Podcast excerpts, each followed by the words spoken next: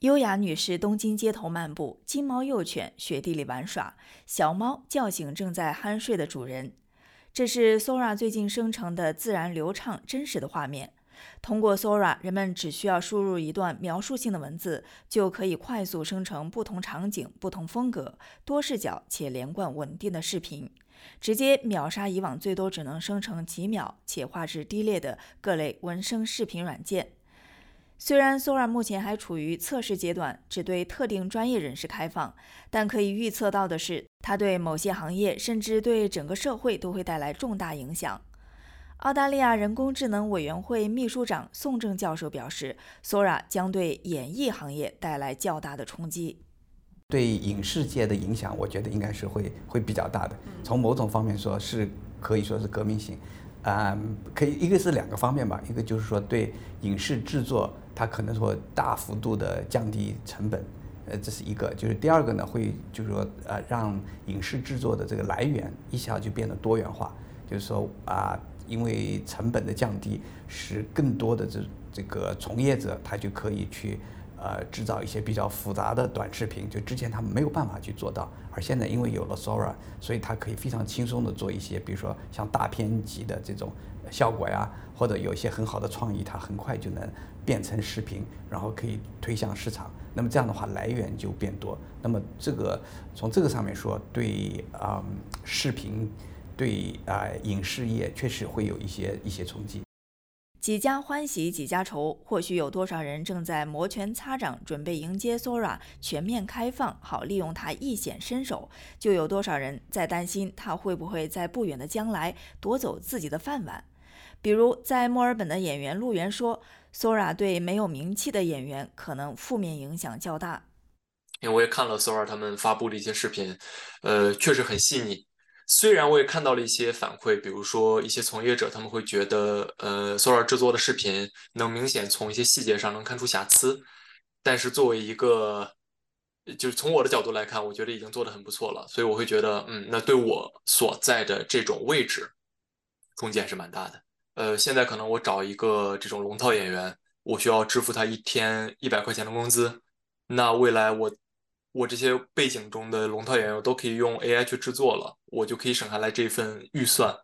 那这份预算就到不了我手里了。不过，对于摄影师闪豪杰来说，Sora 将是一个很好的工具。主要带来就是省钱嘛，给就是制作经费，其实就是这一块。就原来做一个东西要去做实物，再去实拍，那会。大量的劳动力和金钱都要付出，现在可能就是劳动力，劳动力也减少了，但是确实为大家省了很多的资金，省了很多的钱。然而，最让一些人开始担忧的是，以后人们会生活在一个真假难辨的世界里。OpenAI 似乎也意识到了这一点，为了避免引起不好的影响，他专门在新开的 TikTok 账号上特别声明，发布在上面的 Sora 视频不是真的。宋正教授表示，辨别视频真假将成为一大挑战。呃，前瞻的问题就是说，可能越来越多的这个视频，你就没有办法去判断真假，啊，那么也也就是说，以视频来作为呃证据，或来证呃，那那就会有时候可能产生问题，因为它不是真的，啊，但是但是有时候因为它过于逼真，所以使使这个呃使我们在这个真伪判断上面会会面临相当大的挑战。从短视频、影视、游戏行业到广告、教育、电商、建筑等领域，Sora 将带来的影响似乎也可以从最近资本市场的动向中略窥一二。比如，最近在中科金财公司与微软中国就 Sora 召开业务合作研讨会的消息公布之后，中科金财股价直线涨停。另一边，提供视频生产、编辑工具等服务内容的跨国电脑软件公司 Adobe，在 Sora 出现之后，股价却连续几天下跌。当然，Sora 模型也并非完美，比如它在对物理的常识性理解方面还不够成熟，以及不擅长再现多个对象和角色之间的复杂交互等。宋正教授说，即便 Sora 全面开放，视频制作的质量也会因人而异。里面有两个问题，就是第第一个就是说他这个接触这个算力，就他很多人可能他不一定会用，或者说他一下子说的他根本就不知道这个的存在，这是一个。第二个呢，他这个生成的效果和他写的文字实际上是有相当大的关系。如果他写的文字是本身描述不清楚，或者说本身是有带有很多模糊的，呃，或者说这个呃过于宽泛的这种词语的话，那么它生成的的效果可能也不会非常理想。所以就是说，不同的人使用，即使同一个工具，还是会有不同的效果。一边是拥抱科技进步，一边是确保社会安全稳定。从 Chat GPT 到 Sora，人工智能在法律层面的挑战也越来越受到关注。勒卓伯大学人工智能与法律博士生 Helen 慧妍表示，目前各国大多采用的是欧盟的人工智能法。嗯，Sora 和 Chat GPT 呢，它这些其实都是属于生成式的呃这个人工智能。嗯，的确呢，这些工具现在呢是越来越强大了。现在呢，任何人输入一句指令呢，就可以很简单的在这个短时间里面创造出很多的这个文章、图片或者视频，让人完全的分不出真假。嗯，在 Sora 出现之前呢，其实就已经有一项人工智能技术呢，叫做 Deepfake，就是用一个人的照片和他的声音，嗯，声音样本就可以快速的生成这个人在说话的视频。嗯，这个人要说的话呢，也是完全就可以通过打字就能让他说出来。那这个视频如果是用于诈骗或者是做伪证，那可能很多人都会上当。嗯，Sora 出现之后呢，可以想象的是，这个视频可能就会变得更加逼真，可能呢会让这个类似这个这种虚假信息的制造呢会越来越容易。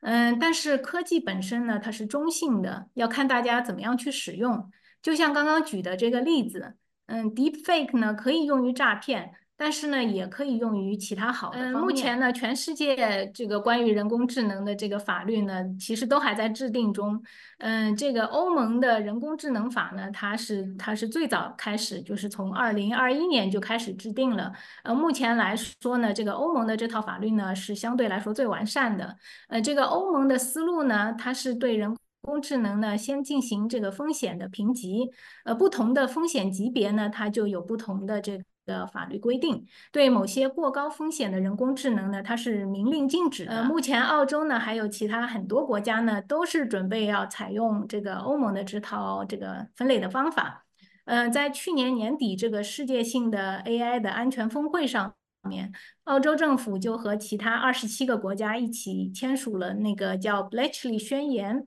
然后这二十七个国家呢，就包括了美国、英国还有中国。嗯，将来呢，对人工智能的这个法律制定呢，会是一个全世界一起努力的事情。这个法律一向都是滞后于科技的，那是肯定是要看到，嗯，现实出现了什么样的法律问题，才会想到用什么样的方法去监管。对于 Sora，或许有的人会支持，有的人却持反对态度。演员陆源和摄影师闪豪杰也分别表达了他们各自的看法。我觉得你没有办法去阻止。科技的进步，因为首先我也我也拦不住它，但是我会我会希望说大家在在有一定限制的情况下去使用它。我我觉得应该持支持的态度，你们要为为什么要反对它？因为就我觉得这是一个好的东西，而且这个东西在我们认知里，它就是一个傻瓜软件。没想到这个傻瓜软件迭代成一变得一个很专业的软件了。而且专业人士也能接受，也要去用它，而且操作起来，我觉得应该是也是很简单，不是很复杂的一个东西。此外，也有一部分人担心人工智能有一天会取代人类。对此，宋正教授表达了他的看法：当新物种出现的时候，因为人对新物种的就会有一个不熟悉的东西，它有自然的恐惧，所以有有可能呢，你你刚才提到的这个恐惧，是因为新物种啊。因为不被熟悉，所以就产生了一种自然的情绪反应。那么时间长了以后，可能他就觉得很正常，反而说觉得如果你做不到，这个用户可能觉得哎呀，怎么这都做不到？这很很很容易的嘛。那就是慢慢就变得习惯。就像我们比如说啊，当我们突然遇到手机的时候。有我们之前就没有任何的手机使用经验，看到手机，结果在手机上能够能够看到自己亲戚的这个脸庞，能够跟他实时对话，可能会觉得非常的惊奇，就觉得会不会这个会不会对我这个是是是不是不是我这个我这个亲戚的这个 灵魂都被 装到这个小盒子里了，是不是？这个这个就会有有有有但有有这样的恐惧。但是反过来的话，那个当你习惯了以后，就觉得哎呀，这个视频电话嘛，在手机上不是非常非常正常嘛？如果效果不好的话，它还会 complain，就觉得为什么这么卡顿呢？啊，为什么我这个觉得这个三 D 的效果都都不真实，是吧？人工智能它是完全是依托在比如说目前的这个计算机和这个这个互联网的这个架构上的。那么也就是说，只要是计算机和和互联网不失控，那人工智能就不会失控。呃，但是说会不会有人呃利用人工智能去去去控制别人，而让另一方人说的弱势群体，结果弱势群体对 AI 它是没有控制的。或者说，从这个方面说，他们的感觉可能是失控了。我们经常讲的，我人工智能和人也有什么差别？啊，那么这个里面一个最核心的差别，就是一个是生命，一个不是生命。Sora 究竟是一盏阿拉丁神灯，还是一个潘多拉魔盒？人工智能未来究竟会走向何方？相信时间最终会揭晓这个谜底，而我们将拭目以待。